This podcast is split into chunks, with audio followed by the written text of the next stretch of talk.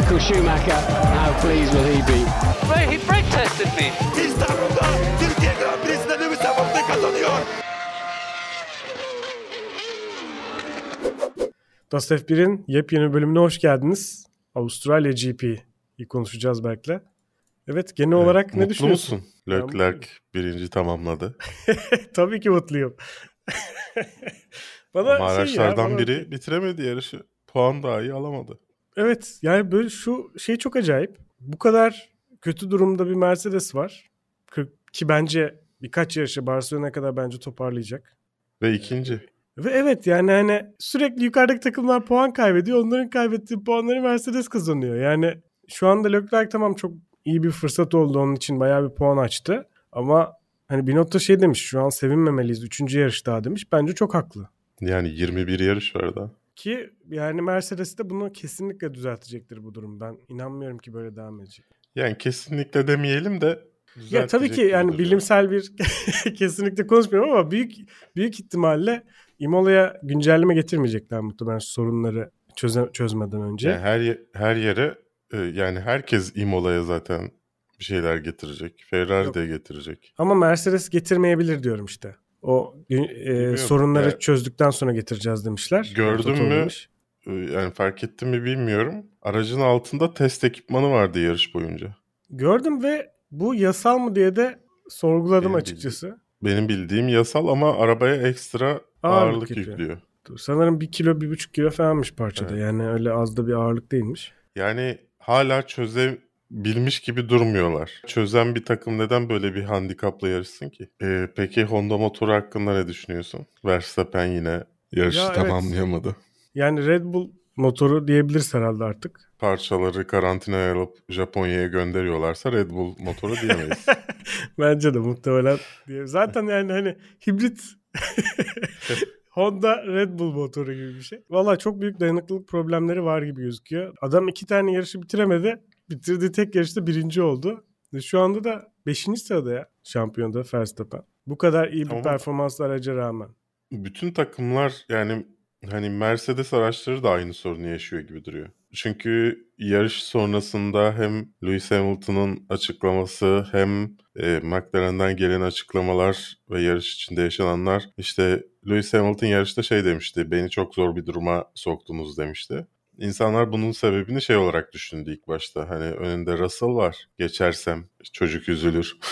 tarzı bir şey olduğunu düşündüler. Halbuki motoru çok fazla ısındığından performans kaybına uğruyormuş. O, o nedenle yaklaşamadığı için böyle söylemiş. Aynısını McLaren'da yaşadı. Hatta Ricciardo'ya şey dediler. Çarpma dediler. Bir anda gücünü kaybederse Lando Norris'in aracı. Dolayısıyla sanki bütün takımlar yaşıyor. Yani sadece Honda motorunda değil de bütün takımlarda aynı problem varmış ama onlar daha güvenli modda çalıştırıyorlarmış gibi araçlarını geldi bana. Yani eğer öyleyse yani bir taraftan Ferrari'nin de hala işte güç sakladığı söyleniyor. Ama ben sanmıyorum böyle bir şeyin olduğuna. Yani Ferrari sanmıyorum. zaten yeterince e, iyi performans gösteriyor. Niye Ve saklasın ki? işte şey güç saklama derken tam performans çalıştırmayıp garantici oynamak için aslında Mercedes'in yaptığını farz ettiğimiz gibi. Ama hiç öyle durmuyor. Gayet iyi performansları var. Ama bu performanslarının da ileride ne kadar devam edeceğinden de çok emin değilim. Yani şu an çok iyi gidiyor ama dediğim gibi Mercedes'in olaya katılma ihtimali var. Red Bull'un da toparlama ihtimali var. Bir de piste göre çok değişecek. Onu anlıyoruz. Yani McLaren'in falan nasıl piste göre uçtuğunu Evet. herkes görmüştür yani. Hani bütün şey değişti bu yarışta. Sıralama değişti komple. Bakalım yani burada bir Red Bull Ferrari şeyi olacak muhtemelen. Ee, e, Sene içinde bir değişim arada göreceğiz gibi geçen seneki gibi. Sabahın köründe yarış izlemek seni nasıl etkiledi? Benim için çok sıkıntı yoktu ya. Ben seviyorum erken kalkmayı o yüzden. Ben 3. antrenman seansını pek hatırlamıyorum. Kalktım ama pek hafızamda yok. Yani Ve- Vettel'in kaza yaptığını daha sonra öğrendim. Ben onları sonradan izledim ya. Onları canlı izlemedim. F1 F2'yi izlemiştim ama F3'ü izleyemedim. Yani daha doğrusu izlediğimi hatırlamıyorum. Genel olarak bence sıralamadan girelim, yarışa başlayalım. Tamam. Sıralamalarda iki şey e, çok ilgimi çekti. Bir tanesi Alonso'nun Leclerc'ten daha hızlı tur atarken bir anda arabası güç kaybetti. Sondan 3. virajda. Tamamlayamadı sıralamayı. Ya düşün Leclerc'ten daha hızlı tur atıyordu o sırada. Ondan sonra yarışta sıradan bir araca dönüştü bir anda Alpine. yani bu kadar fark olmasını tam anlamış değilim ben. Bilmiyorum bir tek tur daha önceki bölümde konuşmuştuk seninle. Alpine'in biraz böyle tek tur performansı daha iyi bir aracı var gibi gözüküyor. Hı hı. Ya sıralamada hep daha iddialılar. Yarışta Ocon yine iyi tutundu açıkçası. Yani ge- genelde Yarışta herkes tutunabildi ama. Şey dediler yeni aerodinamik değişiklikler geçişleri arttıracak falan dediler. Daha çok böyle DRS'i bol olan yerlerde sanırım DRS trenlerini arttıracak. evet o anlamda biraz aslında yarışta biraz olaylar oldu ama bir anlamda sıkıcı yarıştı yani. Bu DRS Evet yani şeyi arttırıyor. Takip etmeyi kolaylaştırıyor ama geçmeyi zorlaştırıyor gibi bir şey hissediyorum. İnşallah yanlış çıkar. herkes birbirinin arkasında olduğu için üç kişi aynı anda birbirini geçmeye çalışma gibi e, acayip acayip şeyler. Yani orada çok ucuz kurtarılmış durumlar da yaşandı. Bayağı bir şey çıkabilirdi bu yarıştan. Olay çıkabilirdi daha. Ama yine Hafta sonu boyunca Aston Martin'in yaşadıkları hakkında ne düşünüyorsun? serbest antrenmanlar bir yana, yarış bir yana gerçekten kötü bir hafta sonu çıkardı Aston Martin. Bir taraftan Vettel'in yaşadığı şanssızlıklar. İki araç zar zor sıralamaya katıldı. Vettel'in son anda kırmızı bayrak çıktığı için yetişti sıralamaya falan. Çok acayipti gerçekten. Eğlenceliydi yani bir taraftan bizim Ki için belki. tamamlayamadı da. Yani Evet. yani tamamladı da işte sonuncu şey sonuncuydu yanlış hatırlamıyorsam İşte şey, sıralamada. formaliteden attı turnu. Evet, evet. yani. Ya en azından bir tur attı yarıştan önce. Yarışta da evet abi. Adam haftalardır yarışamıyor bir de doğru düzgün. yarışta da yani sürekli pistten çıktı filan. Ya insanların antrenman turlarında yaşadıkları problemlerin hepsini yarışta yaşadı. Dolayısıyla sonunda DNF'le bitti. Ee, ama yani ben Stroll'ü artık e, benim tahammülüm kalmadı ya. Tehlikeli bir mayın. Nasıl hala duracak orada? Yani ve arkalarda durdukça daha da tehlikeli olacakmış gibi gözüküyor. Gerilip psikolojisi Evet. biraz darmaduman olup daha böyle kamikaze yapacakmış gibi. İnsanlar korktuğu için geçemiyorlarmış gibi geliyor bana. Yarış dışı kalabilirim Stroll'ü geçmeye çalışırken. İlginç. Sıralamada sıralamadaki bir diğer garip olay da Sainz'ın da en hızlı turu atarken böyle yaklaşık iki karış mı?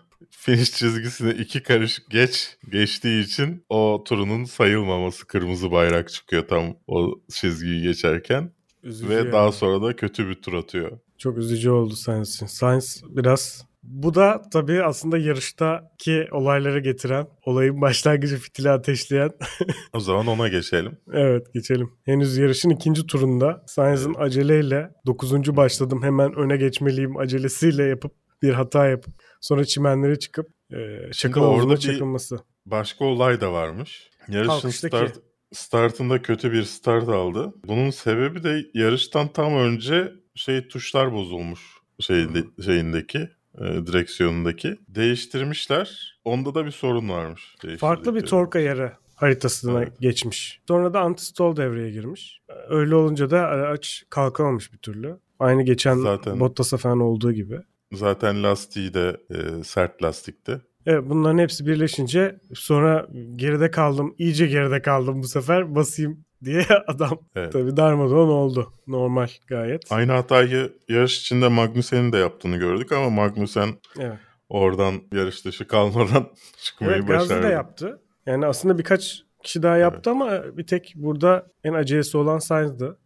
Çünkü en Ya iyi ben araç. Nasıl çim üzerinde o kadar ani manevra yaptığını gerçekten anlayamıyorum. Ya çime çıktı mı zaten iş artık çok zor ya. Mucizelere kalıyor. çime yani. çıkınca hiçbir şey yapmadan dümdüz gideceksin abi. Bir manevra yaptığın an kayıyorsun çünkü. Onun dışında daha sonra çakıla çık- çakıla girdiğinde de ani fren yapıyor yine. Hı, Evet evet. Direkt Onda da ani oraya. fren yapmayacaksın ki arabanın arkası gömülmesin.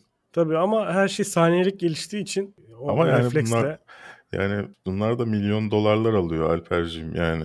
Onu yapabilsin diye alıyorlar yani. doğru diyorsun. Ben burada. Carlos Sainz'da büyük bir hata buluyorum açıkçası. zaten hata Carlos'ta yani o konuda şeyiz, hemfikiriz. Katılıyorum kesinlikle. Peki Alfa Romeo'ların hasların düşüşü hakkında ne düşünüyorsun? Bu pistlik bir şey olduğunu düşünüyorum. İşte bazı pistlerin bazı takımlara o uygunluğuna göre biraz bu orta takımların mücadelesi değişecek ama McLaren'in yani Norris'in dediği gibi gelişimimizin belki %20'si bizim yaptıklarımızdandır diyor. Yani %80'i pistle alakalı. Pistin yapısının bize uymasıyla alakalı. Ve hala buradan daha kötüye gidebileceklerini söylüyor. Evet. Yani şimdi bu böyle bir durumda zaten McLaren'i çıkardığın zaman yine hası yükseldiğini göreceğiz muhtemelen. Hı. Biraz da şanssızlık da vardı ama Magnussen de çok formda değildi. Yani Schumacher Evet. kendisini geçti. Bilemiyorum sanki bu yarışta biraz şeyler dengeler değişti gibi. Önümüzdeki yarıştaki güncellemelere bağlı olarak neler olacak merak ediyorum açıkçası. Yani sonuçta Bottas puan almayı başardı. 8. tamamladı yarışı. Evet. Bakalım.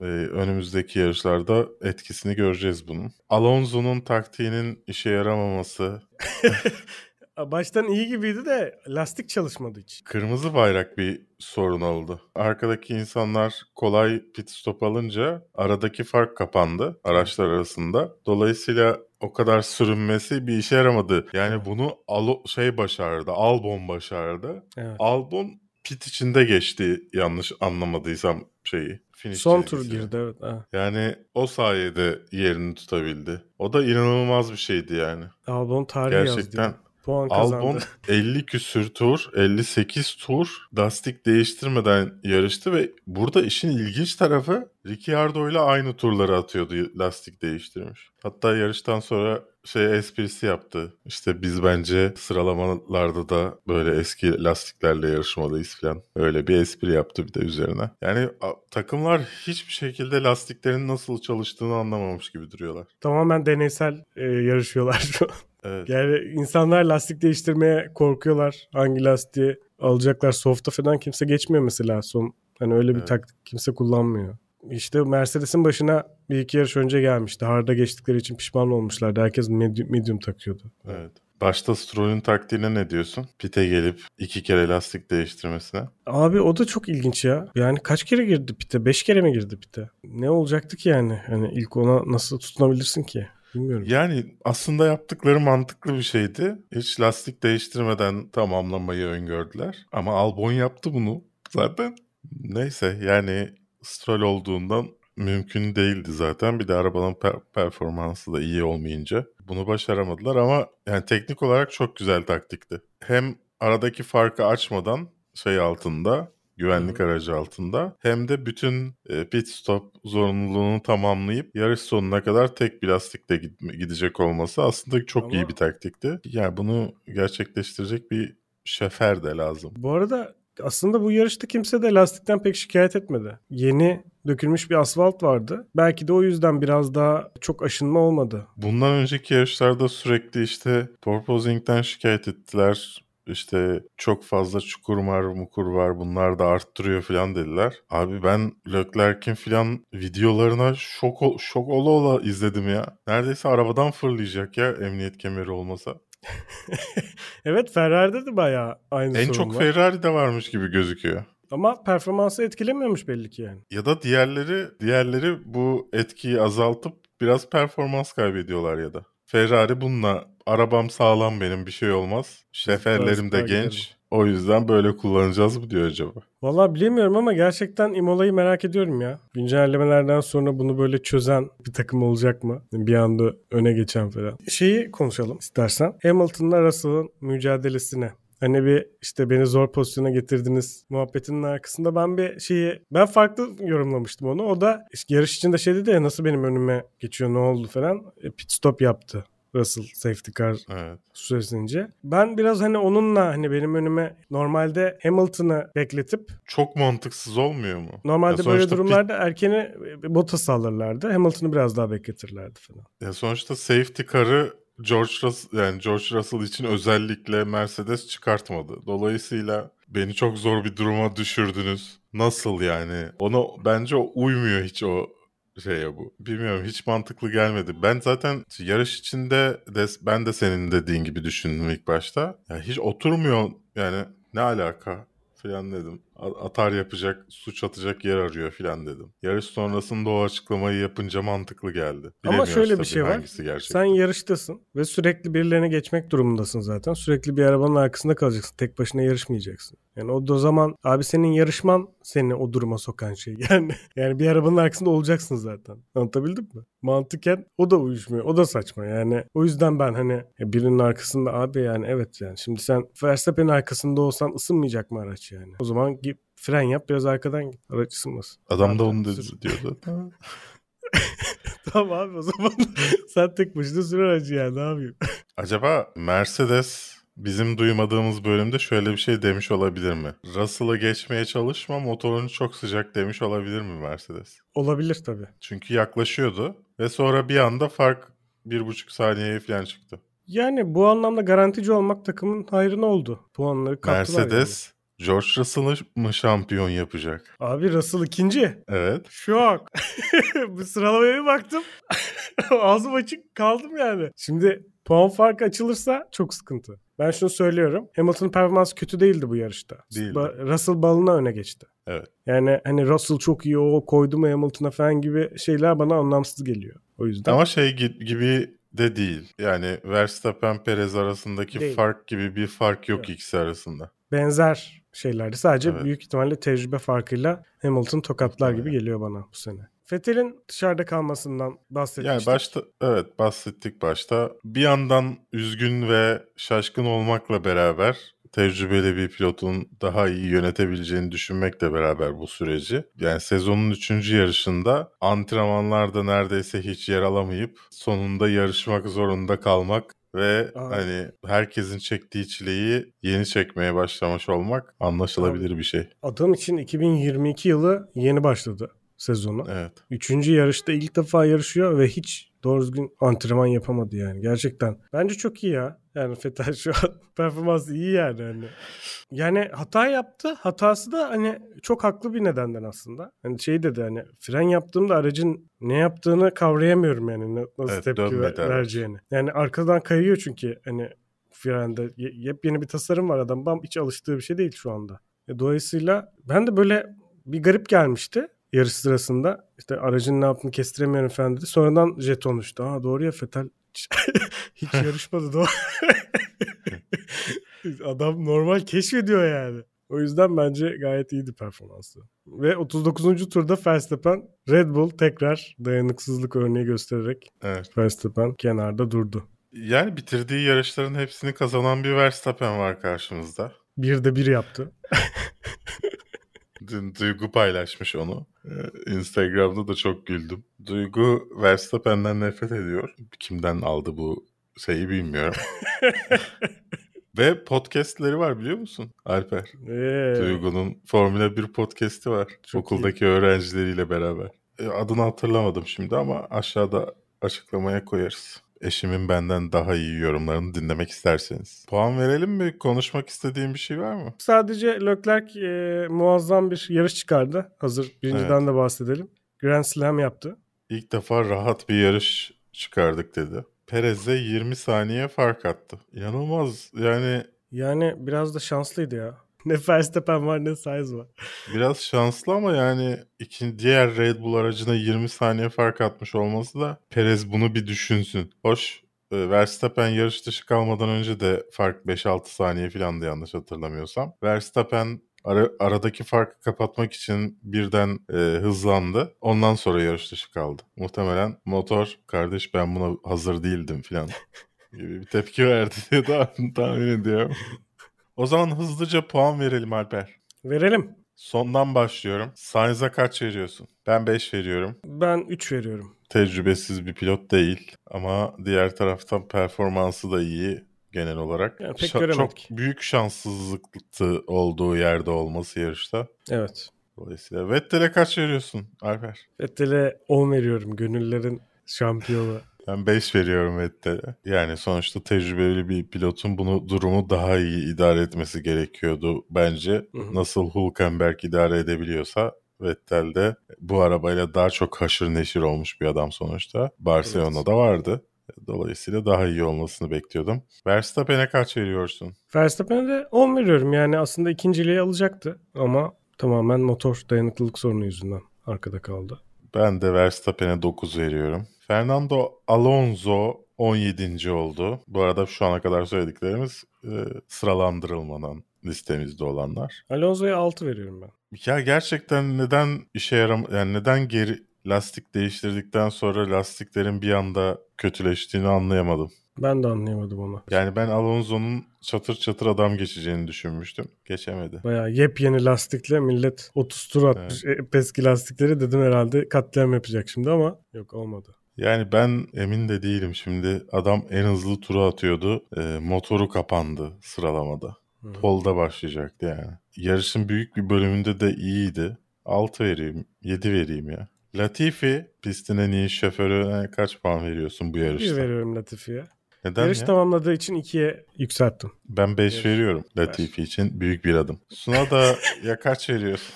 3 veriyorum Tsunoda'ya da. Artık Tsunoda kabak tadı verdi arkadaşlar. Yani Magnussen bir şeyler yapıyor gerçekten. Bir yerlerde bir puan kazanıyor, geri kalıyor. Hani puan da kazanmayabilir ama bir yarışıyor yani adam. Ama Tsunoda yok yani. Tsunoda o yarışta değil yani. Ve ya işin sinir bozucu tarafı sürekli şikayet ediyor abi. Sürekli şikayet evet. ediyor ya. Verstappen'in aracı ikinciyken yolda kalmış. O bu kadar şikayet etmiyor ya. Verstappen'in aracı yolda kaldığında abi bu şey yangın söndürücüleri sıkma görevi olan adam böyle izliyor. Gördün mü o evet. görüntüyü? Verstappen gelsin çağırıyor adamı adama böyle Allah Allah araba yanıyor lan falan diye böyle hani.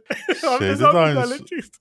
ya hepsinde aynısı oluyor ben anlamadım. Bakalım hepsi yanacak mı? Sunada da kalmıştık. Evet. Ben de Sunoda'ya 5 veriyorum. Magnussen'e 5 veriyorum. Ben de 6 veriyorum Magnussen'e. Schumacher'e yani takım arkadaşını geçtiğinden 6 veriyorum. Ben de tablo olarak aynı sebeple 8 veriyorum. Kendisi için iyi bir adım en azından. Ya Stroll beni çıldırtacak. Yani bir yandan çok düşük vermek istiyorum. Abi ama bazen öyle hareketler yapıyor ki yarış içinde. Ya işte adam da iyi aslında filan hani çok eleştiriyoruz ama filan diyorsun. Ya tam bir deli mayın ya. Adamda potansiyel var gerçekten ama beyinsiz. Yani bilmiyorum ya. Yani o şey mi? Awareness sıfır ya. Yani F1 oyununda çevre algısını sıfır yapmaları lazım. Ya galiba biraz fazla bencil bir karakter. Takım arkadaşına çarpmayı okey görüyor yani sıralamada tutunabilmek için. Böyle bir karakterden bahsediyoruz. Çok acayip ya. Çok acayip bir adam. Bottas bu arada F1 oyununun en iyi pilotu. Yani rakamlar öyle söylemiyor. Ama bir sezon bitirdiğinizde hep Hamilton'ı geçiyor. evet. Farkındalığı 99 muydu? Kaç? Evet, evet, Saçma sapan şey farkındalığı var. 6 veriyorum. Ben 2 veriyorum Stroll'e ya. Ya da 1 veriyorum ya. Yani ceza almamış olması ilkinden Bottas'la yaşadığı, Bottas'ı pistin dışına ittiği pozisyondan ve daha sonra diğerinden ceza almış olması çok ilginç yani. Yani orada Bottas yanındayken hani biraz arkasında olsa anlarım da. Evet. Hani yolunu kesti dersin. Yolunu bitirdi artık Bottas fren yapsın dersin. Ya Bottas yanında yok mu olsun adam? Evet. Ya böyle şeye nasıl ceza vermiyorlar? Ben sıfır mantık yani. Hani hiçbir mantığı yok. Aynı olay gerçekten Hamilton'la mesela Verstappen öndeki pilotlar yapsaydı ve galibiyeti engelleseydi böyle bir şey nasıl olurdu acaba? Aynı sonuç olur muydu merak ediyorum. Yani. Biraz duruma göre hani ya onlar arkada takılıyor gibi bir evet. durum var herhalde. Joe Guan Yu'ya kaç veriyorsun? 8 veriyorum ona. Ben de 8 veriyorum. Yani uzun zamandır o kadar kötü çaylaklar izledik ki. Schumacher olsun, Sunoda evet. olsun. O kadar kötüler ki Joe Guan Yu... Dersin telinde ya hepsine. Albon 10 veriyorum Albon'a. Albon Böyle yıldızlı. 10, bence numarasını da 10 diye değiştirmesi lazım Albon'un. yıldızlı altın kaplama bir 10. Pierre Gasly 9. oldu. Gasly'ye de 9 veriyorum. Gasly'nin de bir şeyi var. Aslında hatası oldu. Bottas'ın önünde tamamlayabilirdi. Yani o çimlere çıkmasaydı bir ihtimal Bottas'ın önünde tamamlayabilirdi. Yani 8 olsun. Ben de 8 veriyorum. Bottas'a emin değilim. Başta çok kötüydü. Ama sanırım o da mı şey lastikle başlamıştı başta? Sert lastikle başlamıştı. İki kişi sert lastikle başlamıştı. Yok Bottas medium'la başlamış. Bottas'a 8 veriyorum ben. Ben de 9 veriyorum ya Bottas'a. Ocon'a 9 veriyorum. Ocon'a 8 veriyorum. Ricciardo. Ya McLaren'in bulunduğu yer çok ilginç gerçekten ya. Çok şaşırtıcı 5-6 olmaları bu sene. Mutlu da oldum açıkçası McLaren'in bulunduğu yerden. Ben hiç şaşırmadım. Şaşırmadın mı?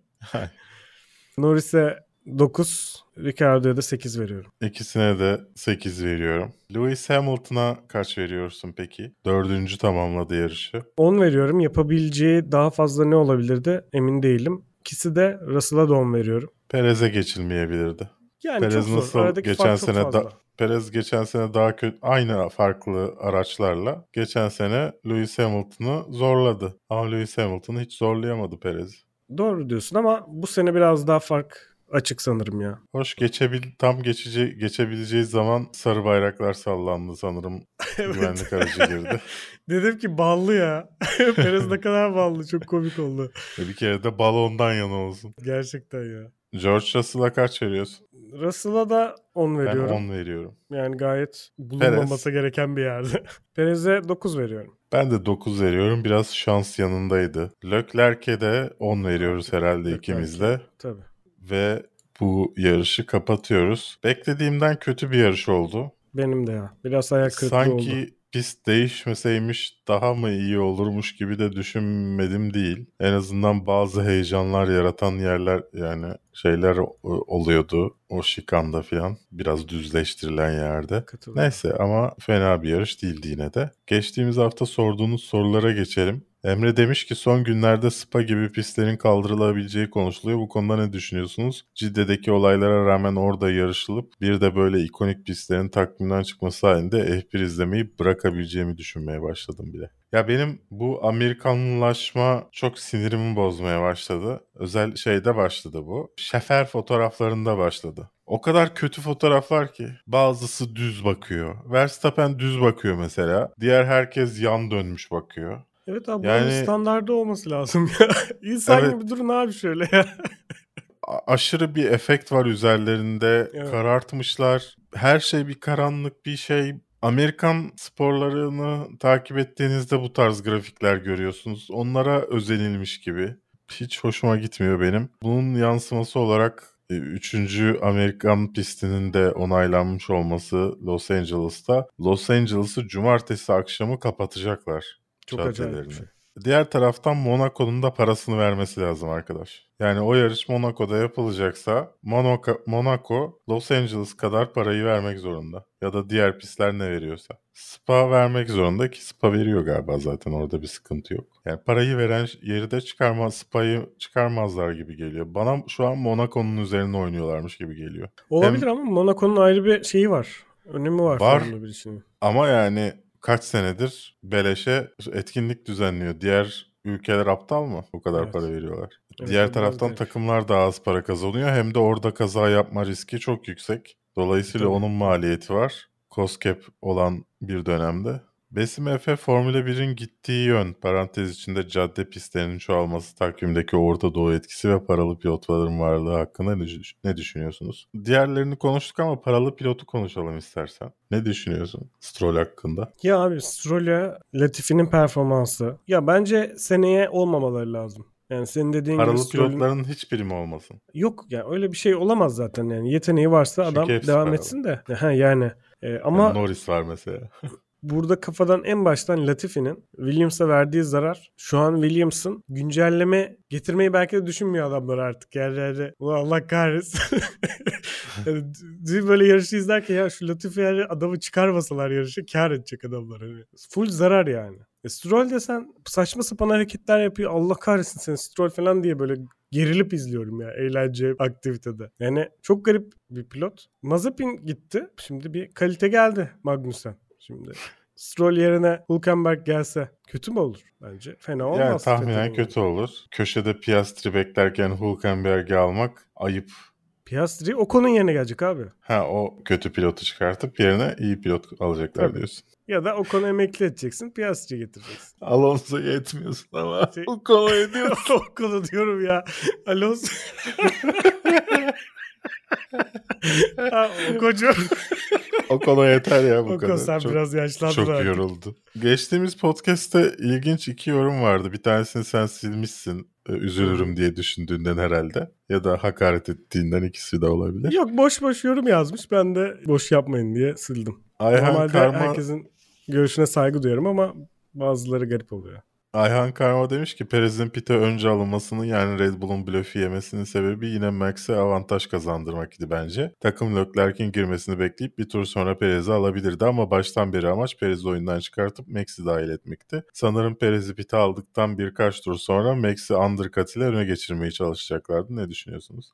Yani ben o podcast'te de şey demiştim. Şeyi kullandılar. Perez'i orada Evet. yem olarak kullandılar Max'i geçmesin diye Sainz. Ee, Bunu söylediğim için ne demişti bana ya? Verstappen'den nefret eden bir lavuk olduğunu söylemişti galiba. Haklı. Ya Verstappen- abi bak kimse kimse sevmek zorunda değil. Yani herkes birilerini destekleyebilir, birilerini sevmeyebilir. Ben bunda bir şey değilim zaten. Lavuk falan Yani- da demiş ki ben bana edilen küfürleri başkasına edilen küfürleri de umursamıyorum. Yani yorumlarda hiç umurumda değil. Ama e, burada benim orada kızdığım şey biz burada eğlendiğimiz için bir şey yapıyoruz. Hani muhabbetimizi Evet. ediyoruz. Buna sen boş muhabbet de demeye, diyebilirsin. Okey ama o zaman dinleme abi. Hayır. Kimse seni silah zoruyla şey yapmıyor. Burada sıkıntı şu. Herkesin söylenilen e, şeyin arkasında bir fi- bir hani art niyet arıyor olması. Ulan ben hayat hiç para kazanmadığım, zevk için izlediğim bir şeyde neden birine birini sevmediğim için işte böyle bir taktik yapıyorlardı falan diye şey yapayım.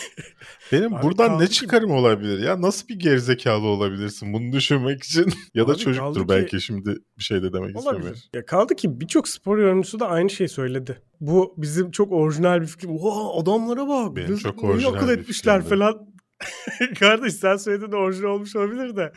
Çoktan şey oldu klişe bile oldu yani. Hani o kadar Yok ya- yarı sırasında da söylenmişti zaten. Göz önünde bir şeydi bir taraftan da. Bunu söylemek için Verstappen hater olmaya gerek. Arkadaşlar bu kadar alınganlığa gerek yok. Verstappen'den Yani. nefret, nefret ediyorum. Yani buna Abi hayır demiyorum. Edebilirsin de yani neden insanlar Verstappen ya da Hamilton savunuculuğu yapıyor? Okey abi. O adam da öyle düşünüyor da geç yani. Sen destekleyebilirsin. Gerek yok yani. Ben destekliyorum best- Verstappen'i. Ama bu adam Verstappen'den nefret ediyor deyince hiç gram umurumda olmuyor yani. Hayır Okey. Verstappen'den nefret ediyorum diye de gelip burada hani onu haksız çıkartacak yorumlarda bulunmaya çalışmıyorum. Sadece nefret ediyorum. Mesela Benimki içinizi ki- kişisel bir rahatlatacaksa- mevzu.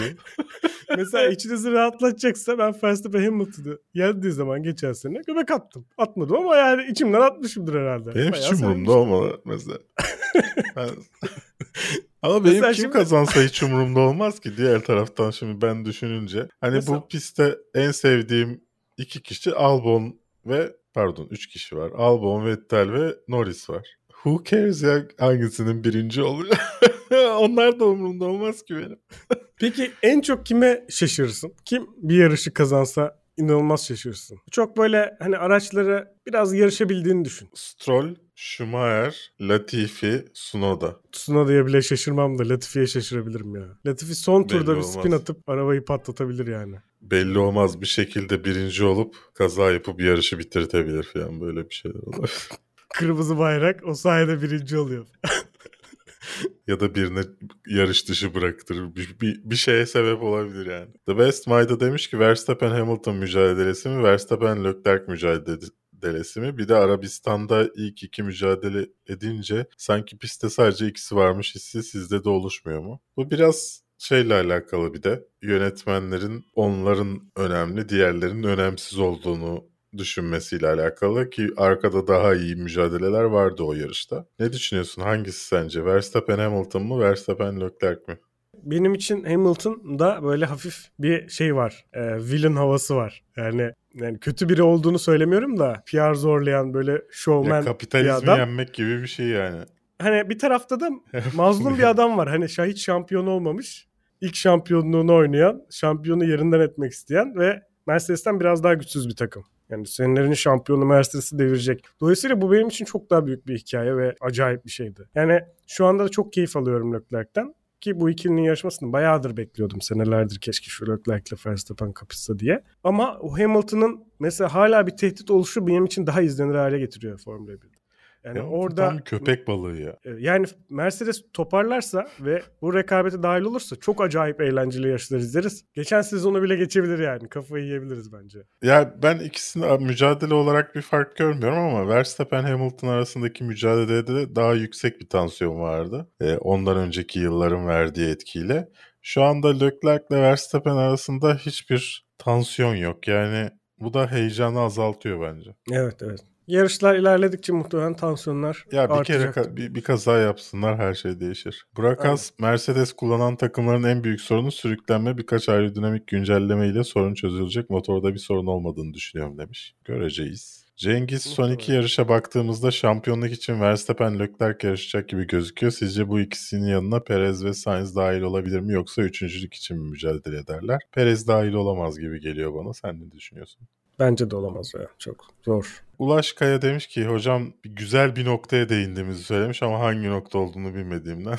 4 Saçma. 4.53'lük. evet. bir önceki videoda 4.53'te neden bahsediliyorsak. Tarık Aston Martin'in performansı böyle devam ederse sizce Vettel sezon sonu bırakır mı ya da başka bir takıma geçer mi? Bırakır bence. Bence de bırakır ya. Bu sene de zaten biraz e, bırakıyormuş İstemiyor, gibiydi. Adam yani kim sürecek şimdi bu aracı gibi bir şeyde ruh halinde gibi. Diğer taraftan saçları uzatmış, gençleşmiş. Güzel ya. olmuş. Beğendim ben. Murat Dedeoğlu abi Vettel'in haline üzülüyorum ne olacak Vettel'in hali. O da aynı şeye. Üzülmüyorum İsmail abi adam Demir. Formula 1 pilotu ya. Niye üzülüyorsunuz? Ya milyonlarca dolar kazanıyor. Tabii canım. Sıralamalara ve ikinci yarıştaki genel gidişata baktım. Değişen çok da bir şey yok gibi şu an için bana göre. Bottas ve Magnussen dışında aracın hızı ne kadarsa takımın ikinci iki pilotu da birbirine yakın derece alıyor kabaca. Sadece kazananın adı değişti şimdilik. Zamanında Schumacher Vettel'e olan şimdilik Hamilton olmaya başladı ve bu hiç hoş değil. Sırf izlenme sayısı artsın diye güçlüyü cezalandırmaya çalışıyor senelerdir FIA. Yani aradaki şeyi azaltmak istiyor tabii ki farkları. Daha iyi bir yarış olsun diye. Ama Yani. bunu da işte bütün takımlar aksini istiyordu da FIA hayır böyle yapacağız gibi bir şey olmuyor. Sonuçta spor iyiye giderse bütün takımlar bundan çıkar Kazanacak. sağlıyorlar. Ufak şeyleri demiyorum. Hani ba- bazen sezon içinde ya da senelik kararlar alınıp işte direkt e, bir takım hedeflenebiliyor. Onları demiyorum. Bu genel kural değişiminin ama onunla alakalı olmadığını düşünüyorum. Ben de biraz garip olurdu öyle olsa zaten. Will Smith'in yerinde siz olsanız Latifi'ye ne yapardınız? Will Smith'in yerinde ben olamazdım. O düşü, o kafa yapısına giremem. Çünkü ben bir daha ayısı değilim. Sen- Yaşa be. Sen, sen Ama arkadaş kendi cevabını kendi vermiş soruyu sorarken. Tokat atmamızı istemiş yani. Yok abi biz medeniyetten yanayız ya. İnsanlara şiddet uygulamıyoruz. İletişim. Cengiz demiş ki Joe Guan Yu'nun performansının bu kadar iyi olması araçtan mı kaynaklanıyor yoksa yeteneğinden mi? Zira bence daha ilk iki yarışında gelecek için oldukça umut veriyor. Sunada Schumacher, Stroll, Latifi gibi artık tecrübeli sayılabilecek isimlerin. Yani Joe ortalamanın üzerinde bir pilot. Zaten çok kötü olmazsanız yani takım arkadaşınızın biraz gerisinde sıradan bir performans sergilemeniz normal geliyor bana. Ama bence hem bambaşka şeye geçtiği için sonuçta Formula 1'de bir takımdan bir takıma geçmedi. Yani Formula 2'den geçti. Bir de üstünde bambaşka bir tasarımla araca geçti. Ben o yüzden de şeyini iyi buldum yani çok iyi bir uyum sağladı. Takıma iyi adapte oldu belli ki. Ya yetenekli ama e, göreceğiz ileride neler yaptığını daha iyi göreceğiz. Şu anda biraz da belki de temkinli daha garanti hani şey gibi hatalar yapmıyor. Hani gidip Latifi gibi ya da Schumacher gibi bir yere dalmıyor. En azından bir şekilde bir puan kazanıyor ya da puana yakın sürüyor. Bence bu anlamda bir şey için çaylak için çok iyi performans. Gerizekalılara tahammülsüz adam DRS konusuna katılmıyorum. DRS bence kaldırılabilir diyor. Peki neden? Çünkü tehlikeli deniyor. Geçen sene Verstappen Hamilton bu sene Leclerc Verstappen mücadelesinde tehlikeli kullanılmış. E abi zaten zevkin bir kısmı da bu kadar yüksek hızlarda seyreden araçların DRS gibi bir silahla birbirlerine karşı taktik değiştirmesi değil mi? Tehlikeli tehlike bu sporun doğası zaten. Yoksa gidelim atlı karıncaları izleyelim sıra sıra dönsünler dursunlar. DRS zaten yapay bir mücadele. Sporun doğasında olmayan bir etki. Dolayısıyla yorumuna temelden katılmıyorum. Yani sporun doğası diyorsak DRS olmamalı zaten. Çünkü doğallığı değil bu bu işin. Boost Ee, gibi bir şey yani. Şey Yani bu oyunlarda ben çok şaşırmıştım ilk açıklandığında. Aa oyunlardaki boost'u getir, boost tuşunu getirmişler. Ben seviyorum böyle şeyleri ama yani bu tabii böyle şeylerin çıkma nedeni birazcık eksiklikten yani demek ki araçların doğal hali bu rekabeti sağlayamıyor şu anda. Yani bunu Evet. sağlayabildikleri anda DRS kaldırırlar zaten. Hani gereksiz bir ekstra kural koymanın bir manası yok. Ha ne olur? Yine bir şey olsun, heyecan getirsin diye yine belki durabilir DRS. O zaman DRS kalksın derim ben de. Yani bir lüks olur. Sadece eğlence için gerek yok derim ama okey okey ama şu anda bunun için aslında biraz gerekiyor gibi gözüküyor yani. Çünkü gerçi şu an biraz daha yakın gidiyorlar pilotlar ama hani şey deniyor. Birbirini geçemiyor hala araçlar DRS olmasın. Evet. Şimdi DRS olunca da araçlar birbirini sürekli saçma sapan bir şekilde geçiyor. Bir onu geçiyor. DRS çizgisini bekliyorlar falan. E, bakalım önümüzdeki yarışlarda geçtiğimiz yarıştaki gibi insanlar sürekli DRS'i nöbeti tutup birbirini geçmeye kasacaklar mı yoksa etkili olmayacak mı bu kadar? Bakalım. Böylece bir programımızın daha sonuna geliyoruz. Yorumlarınızı aşağıda bizimle paylaşırsanız bir sonraki podcast'te sizin sorularınızı ve yorumlarınızı da okuruz efendim. Bizi sosyal mecralardan takip etmeyi ve abone değilseniz abone olmayı unutmayınız. Kendinize iyi bakın. Görüşmek üzere.